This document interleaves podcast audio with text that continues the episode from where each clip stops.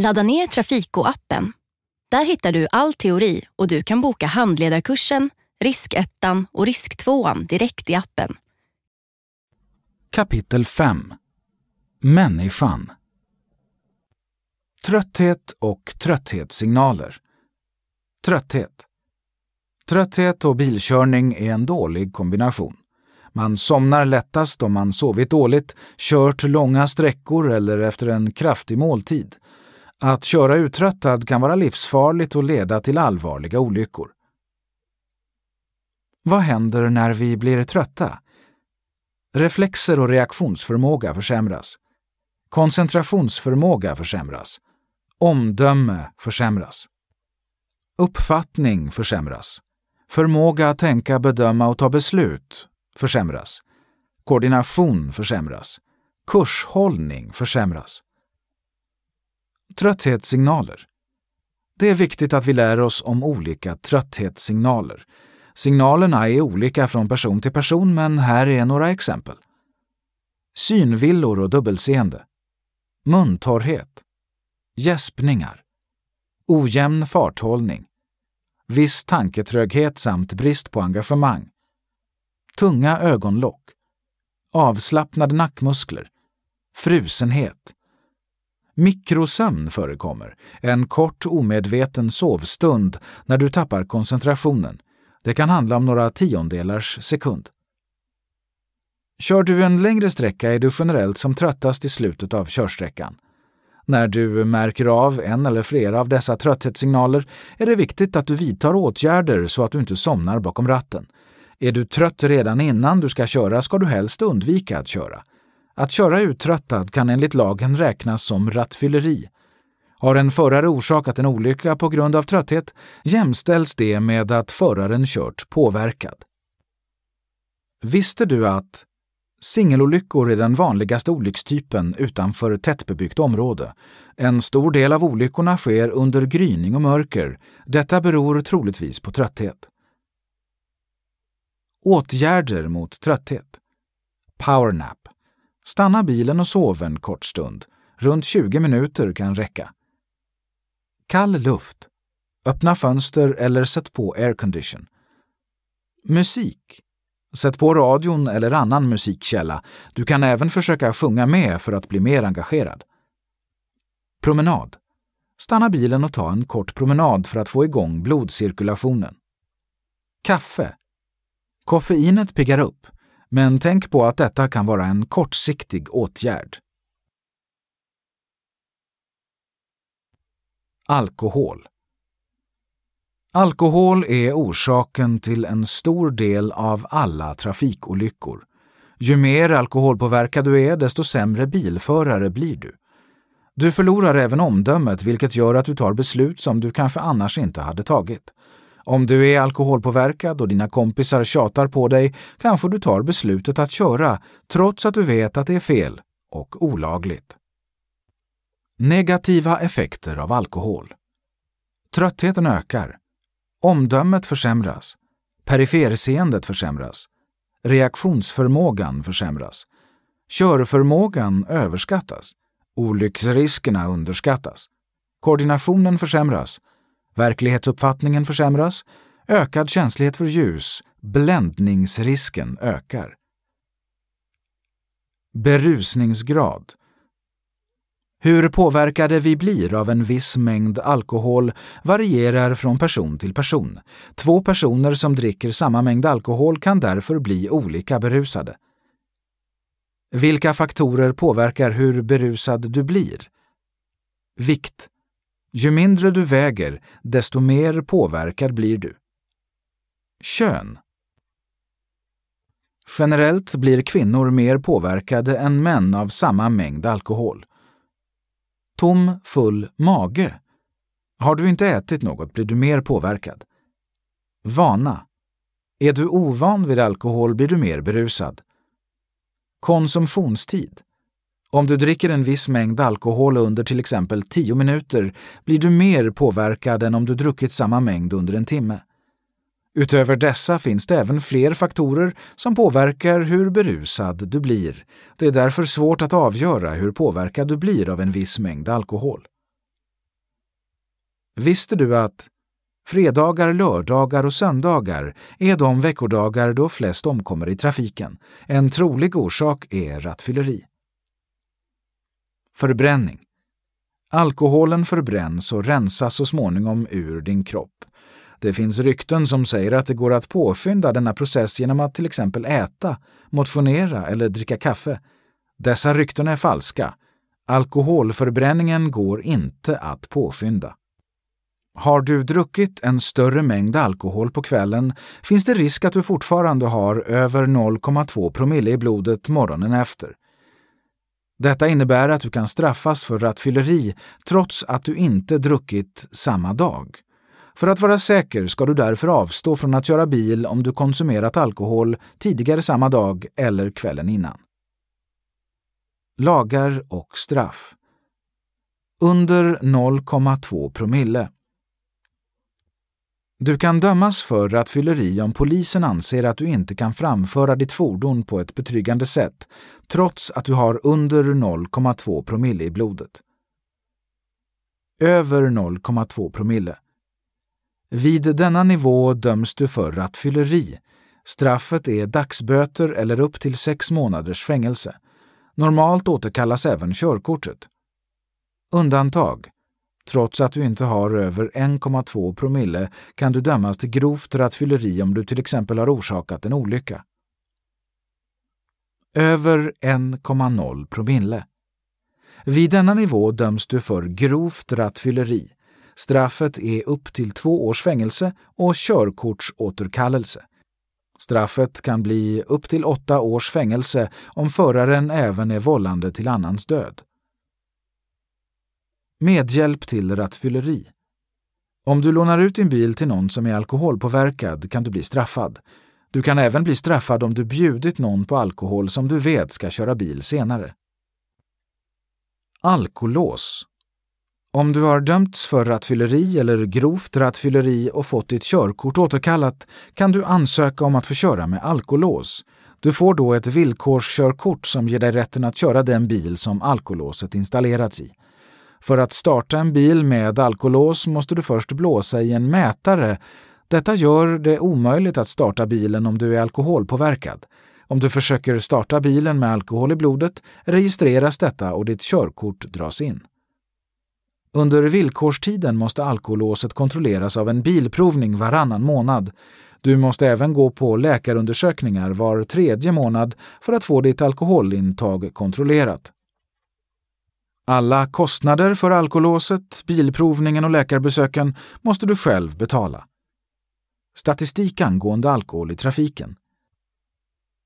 Varje år dör cirka 75 personer i olyckor där alkohol har varit inblandat. Cirka en av fem personbilsförare som omkommer i trafiken har alkohol i blodet. Minst en begravning varje vecka har ett dödsoffer som omkommit på grund av alkohol i trafiken. Det är fler killar jämfört med tjejer som kör alkoholpåverkade. I cirka 50 procent av singelolyckor med dödlig utgång är alkohol inblandat. Vad en viss mängd öl eller vin motsvarar i starksprit, 40 procent. En burk folköl, 50 centiliter, 3,5 procent motsvarar cirka 4,5 centiliter starksprit. En burk starköl, 50 centiliter, 5,6 procent, motsvarar cirka 7 centiliter starksprit. Ett glas rödvin, 18 centiliter, 12 procent, motsvarar cirka 5,5 centiliter starksprit. En halv flaska rödvin, 37 centiliter, 12 procent, motsvarar cirka 11 centiliter starksprit. Läkemedel och droger Läkemedel Många läkemedel, både receptbelagda och receptfria, kan påverka dig negativt som bilförare. De kan till exempel leda till nedsatt reaktionsförmåga, trötthet, nedsatt uppmärksamhet och dåsighet. Ett läkemedels påverkan varierar från person till person. Det är därför viktigt att du känner efter om du är en lämplig förare när du medicinerar. Ansvar. Läkaren som skriver ut läkemedlet är skyldig att informera dig om hur läkemedlet påverkar dig som bilförare. Även apoteket som säljer läkemedlet ska informera dig. Trots detta ligger hela ansvaret på dig som förare. Läs noga igenom bipacksedeln innan du tar medicinen. Om du uppträder trafikfarligt på grund av att du är påverkad av ett läkemedel kan du dömas för rattfylleri. Läkemedel i samband med alkohol. Kombinationen av alkohol och läkemedel kan inte bara vara livsfarlig utan också försämra din körförmåga betydligt.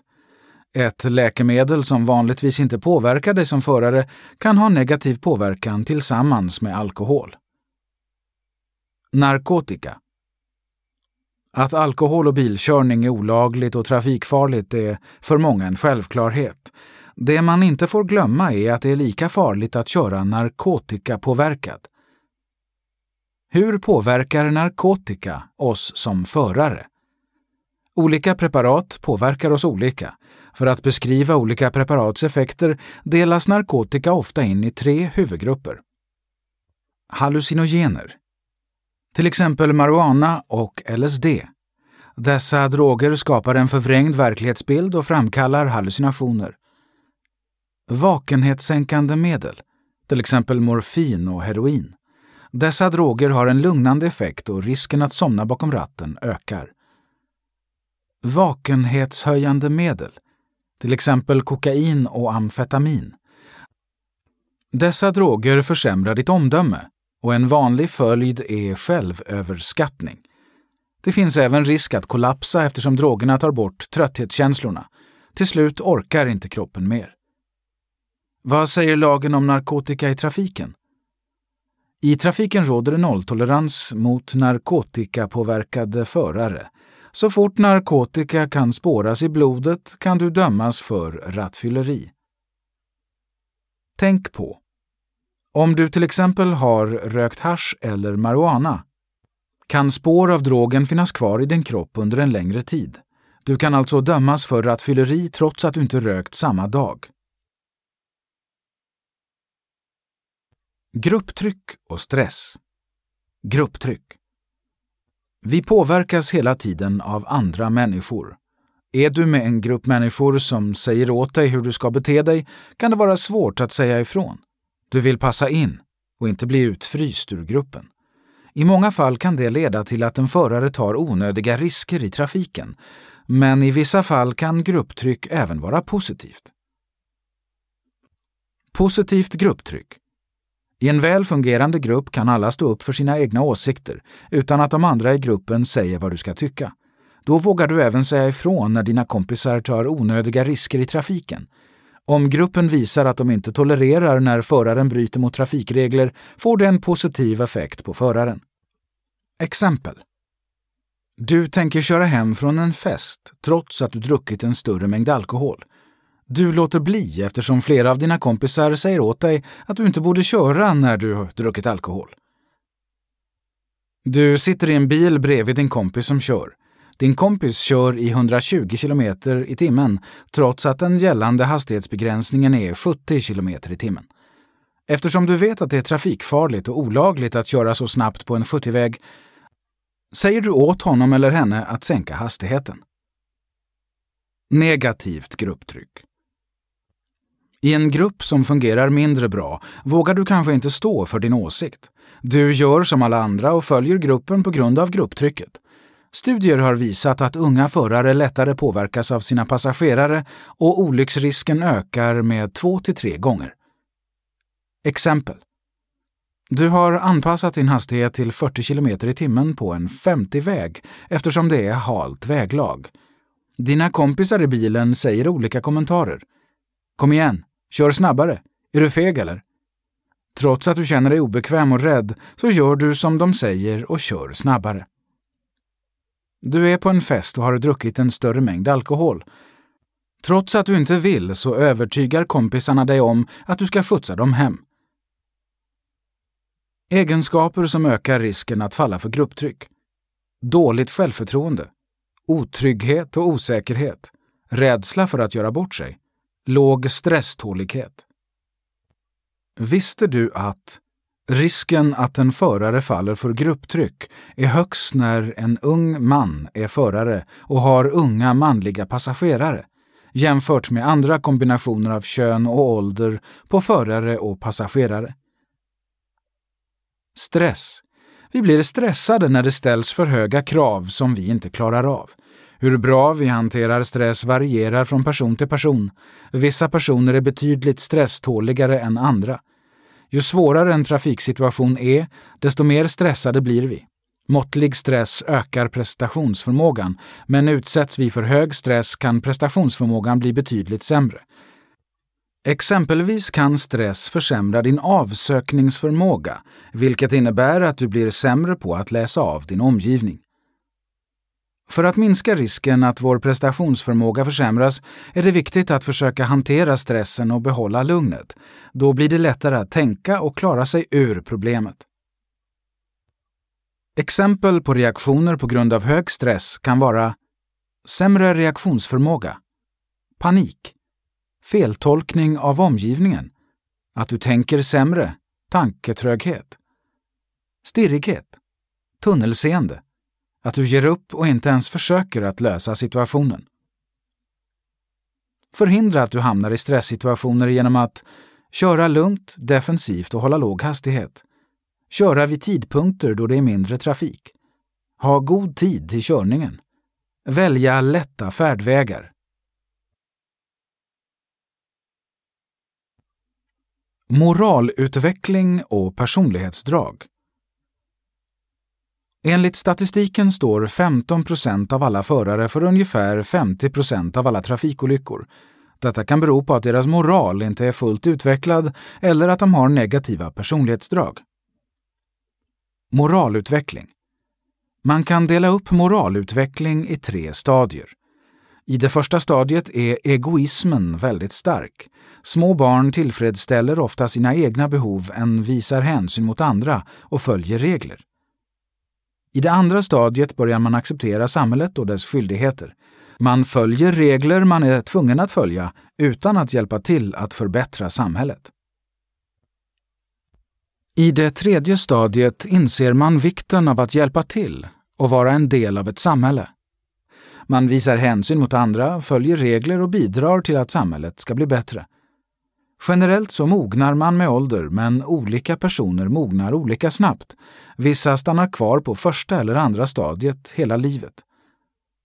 Moralutvecklingen har en stor betydelse i trafiken. Det är viktigt att alla visar hänsyn och följer regler för att samspelet i trafiken ska fungera. Om du endast försöker tillfredsställa dina egna behov och struntar i regler kan du utsätta dig själv och andra för fara.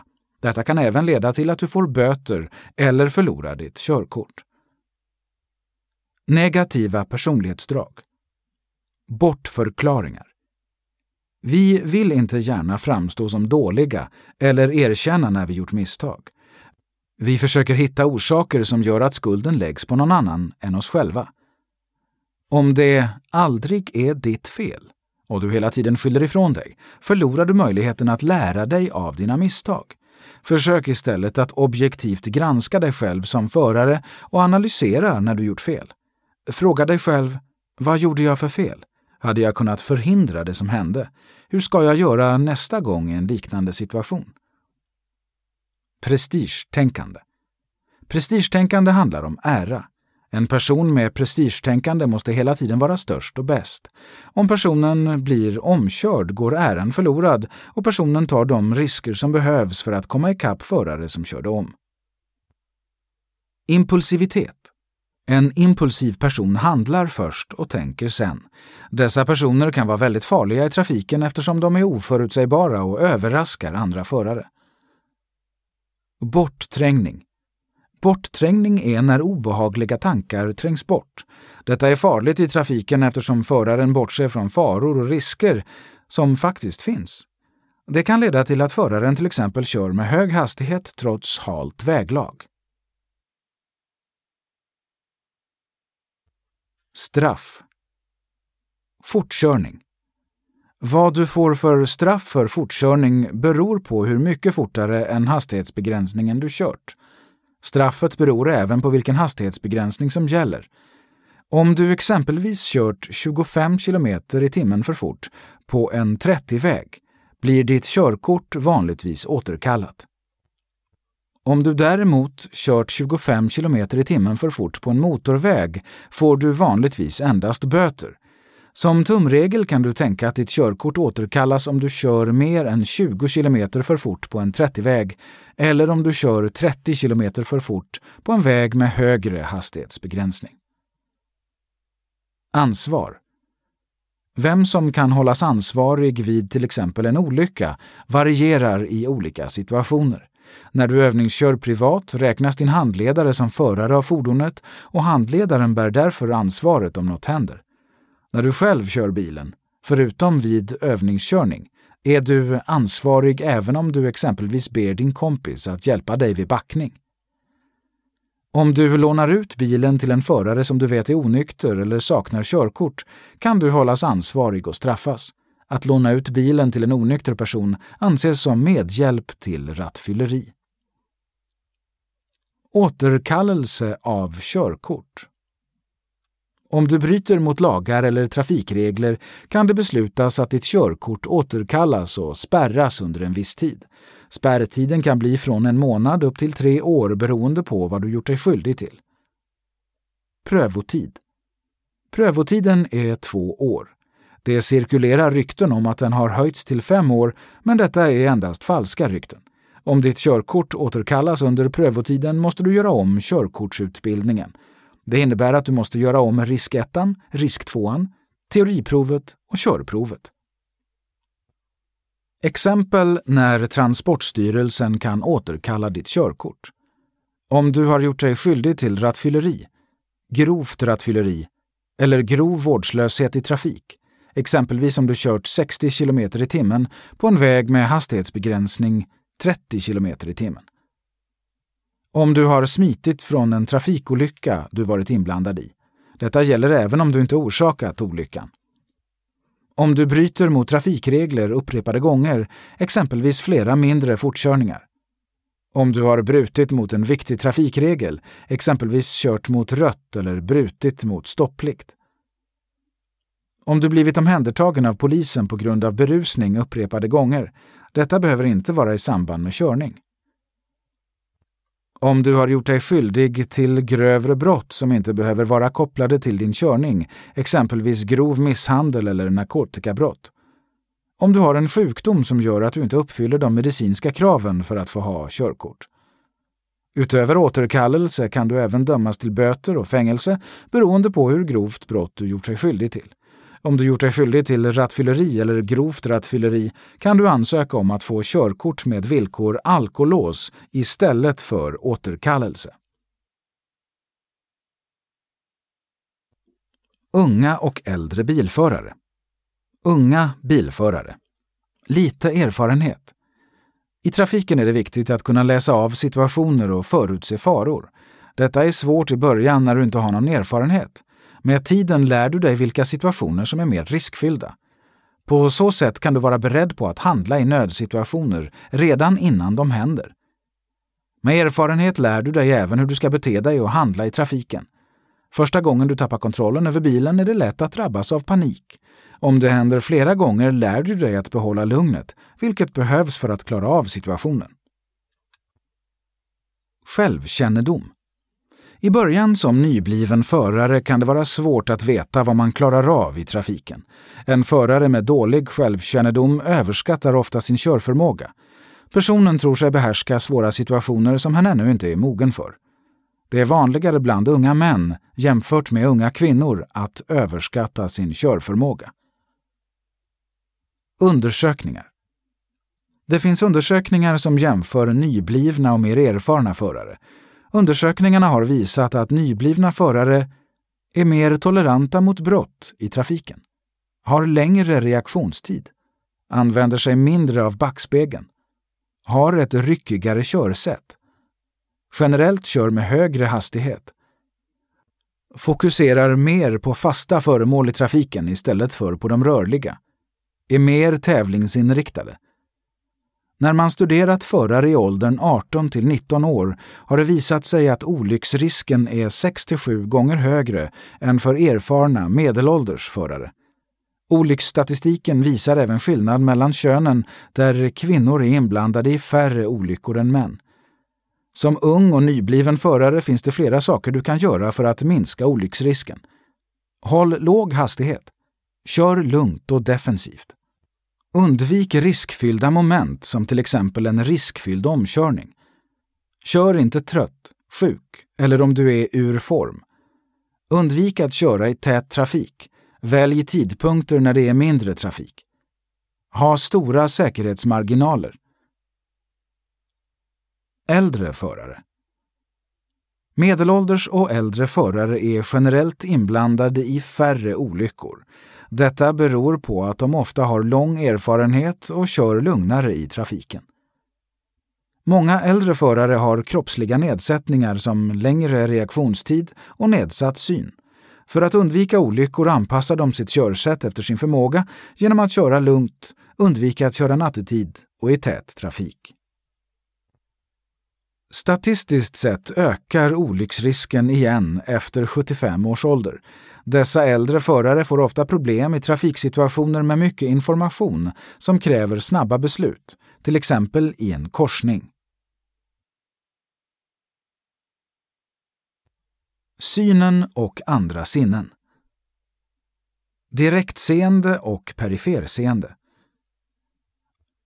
Av hela synfältet är det endast 1-2 vi ser med full skärpa, det så kallade direktseendet eller centralseendet. Resterande del av synfältet, 98–99 %, är det så kallade periferseendet. Periferseendet ger en oskarp bild men kan upptäcka föremål i rörelse. Periferseendet försämras av trötthet, alkohol och droger. Synnedsättning när du ansöker om körkortstillstånd måste du göra en synundersökning. Du behöver en synskärpa på minst 0,5, antingen naturligt eller med hjälp av glasögonlinser. Om du behöver glasögon eller linser för att uppnå detta måste de användas vid körning. Om du förlorat synen på ett öga tar det tid innan du vänjer dig. Därför måste du vänta minst sex månader innan du får köra igen. I mörker har vi sämre sikt eftersom det inte finns lika mycket ljus som på dagen. Det finns även personer som har ytterligare synnedsättningar i mörker. Vissa har till exempel problem med mörkernärsynthet eller nattblindhet. Med åldern försämras ofta synen, framförallt mörkerseendet. Detta sker ofta gradvis, vilket gör det svårt att upptäcka en försämring. Det är därför bra att kontrollera sin syn regelbundet, även om det inte finns någon lag som säger att du måste genomföra dessa kontroller. Synvillor. Hjärnan tolkar den information som ögat samlar in från omgivningen. Oftast fungerar det som det ska, speciellt om vi är i god kondition, men ibland blir det fel. När vissa delar av informationen saknas skapar hjärnan en fullständig bild där delarna som saknas fylls ut.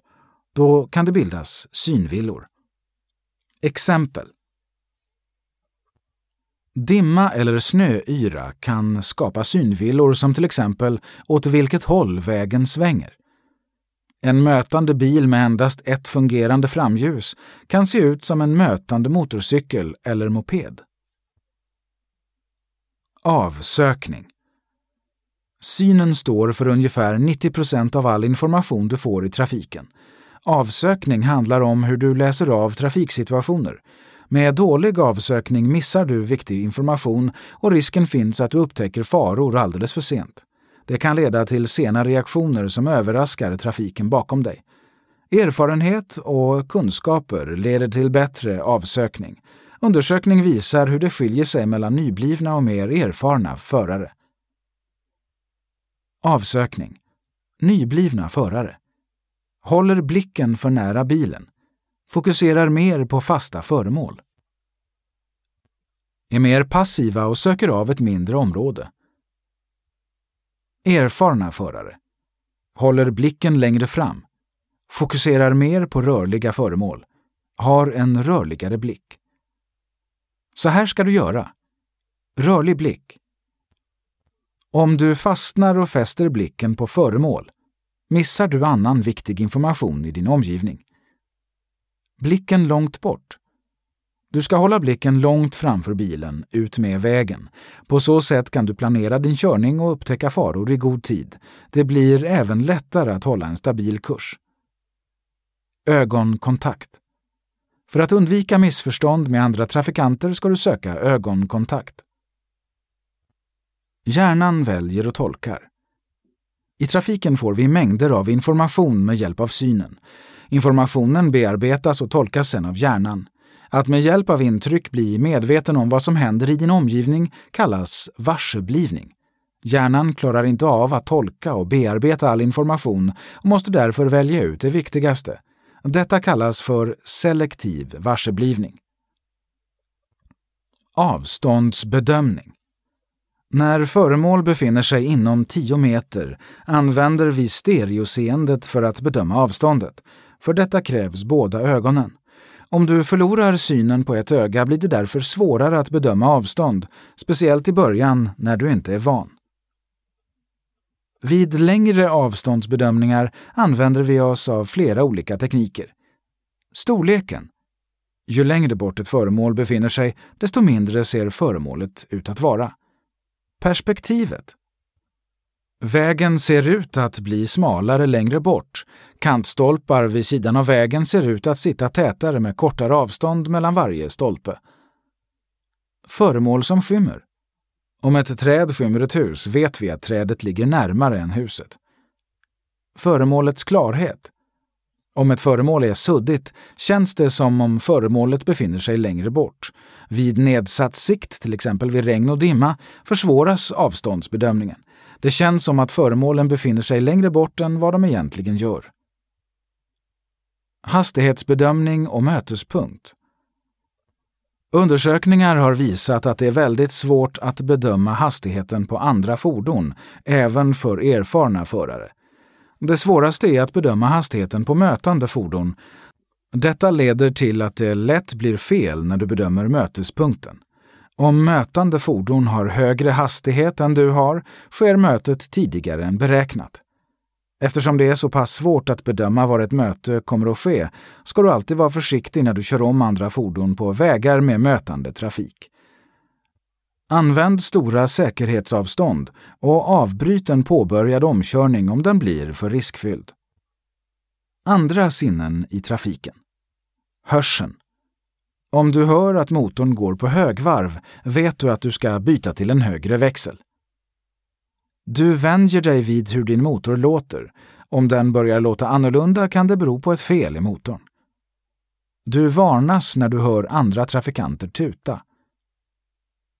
Känseln. Om du känner att bilen drar åt sidan kan det vara fel på hjulinställningen eller för lite luft i ena framdäcket.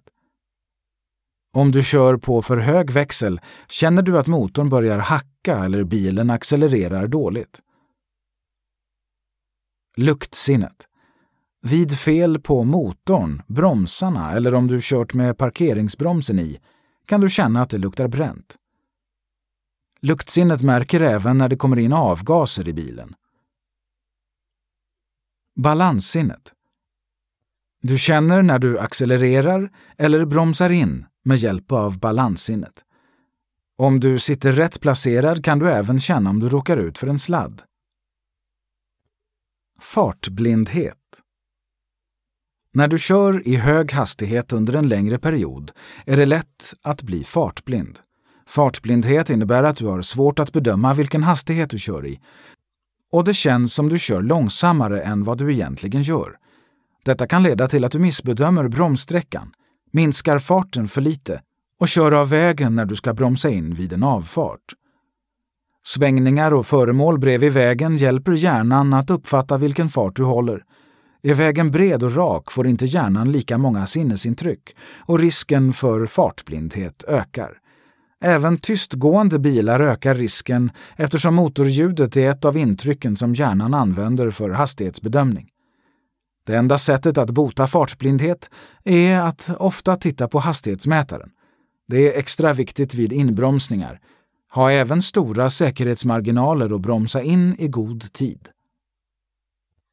Tunnelseende. Tunnelseende uppstår vid körning i hög fart. Ditt avsökningsområde blir smalare och din förmåga att uppfatta saker vid sidan av vägen försämras. Detta kan vara väldigt trafikfarligt eftersom du kan missa till exempel ett rådjur som ska korsa vägen. För att motverka riskerna för tunnelseende är det viktigt att ha en rörlig blick. Trötthet, stress och alkohol kan också påverka avsökningsområdet och orsaka tunnelseende. Äldre och funktionshindrade. Äldre. Med åldern försämras vår fysiska hälsa och vi får nedsatta funktioner, försämrad hörsel och syn, rörelsesvårigheter, längre reaktionstid med mera. Det är därför viktigt att ge äldre gångtrafikanter extra lång tid när de ska gå över ett övergångsställe. Funktionshindrade. Det finns många olika funktionshinder som försämrar trafikanters förutsättningar i trafiken, men de brukar delas in i två grupper, synliga och dolda funktionshinder. Synliga funktionshinder är lättare att upptäcka. Rörelsehindrade kan till exempel sitta i rullstol och synskadade kan ha en vit käpp. Dolda funktionshinder är svårare att upptäcka, till exempel hörselproblem eller förståndshandikapp. Eftersom vissa handikapp är svårupptäckta ska du som bilförare alltid ha stora säkerhetsmarginaler till gångtrafikanter och räkna med att de kan behöva extra omsorg och hänsyn. Barn i trafiken. Barn. Barns beteende skiljer sig från vuxnas och de har svårt att klara sig i trafiken. När du kör och det finns barn på eller i närheten av vägen ska du vara extra uppmärksam. Köra med låg fart. Hålla stort säkerhetsavstånd i sidled från barnen. Barns egenskaper. De har sämre syn än vuxna. Synfältet är smalare och de har svårt att ställa om mellan när och fjärrseende. Deras hörsel är inte fullt utvecklad och de har svårt att lokalisera var ljud kommer ifrån. De är väldigt impulsiva de har svårt att bedöma risker och kan plötsligt springa ut i vägen utan att tänka på konsekvenserna. Barn är små till växten. Det gör att de kan vara svåra att upptäcka, till exempel när du backar. Vid backning är det svårast att upptäcka barn som närmar sig snett bakom bilen. Skolpatrull Många barn måste passera flera övergångsställen och gator på väg till skolan. Vid en del skolor finns skolpatruller för att barn säkrare ska kunna ta sig till och från skolan. För att uppmärksamma dig på att det finns barn i närheten är skolpatrullerna klädda i orangefärgade kappor. Skolpatruller har inte rätt att stoppa biltrafiken. Ett övergångsställe med skolpatrull anses som obevakat övergångsställe. Detta innebär att du har väjningsplikt mot gångtrafikanter. Skolskjuts Bilar och bussar som skjutsar barn till skolan är försedda med en särskild skylt med orangea blinklyktor. När dessa fordon ska släppa av passagerare tänds blinklyktorna för att uppmärksamma övriga trafikanter. Lyktorna tänds 100 meter innan avstigningsplatsen och är tända under uppehållet. De släcks först 100 meter efter avstigningsplatsen.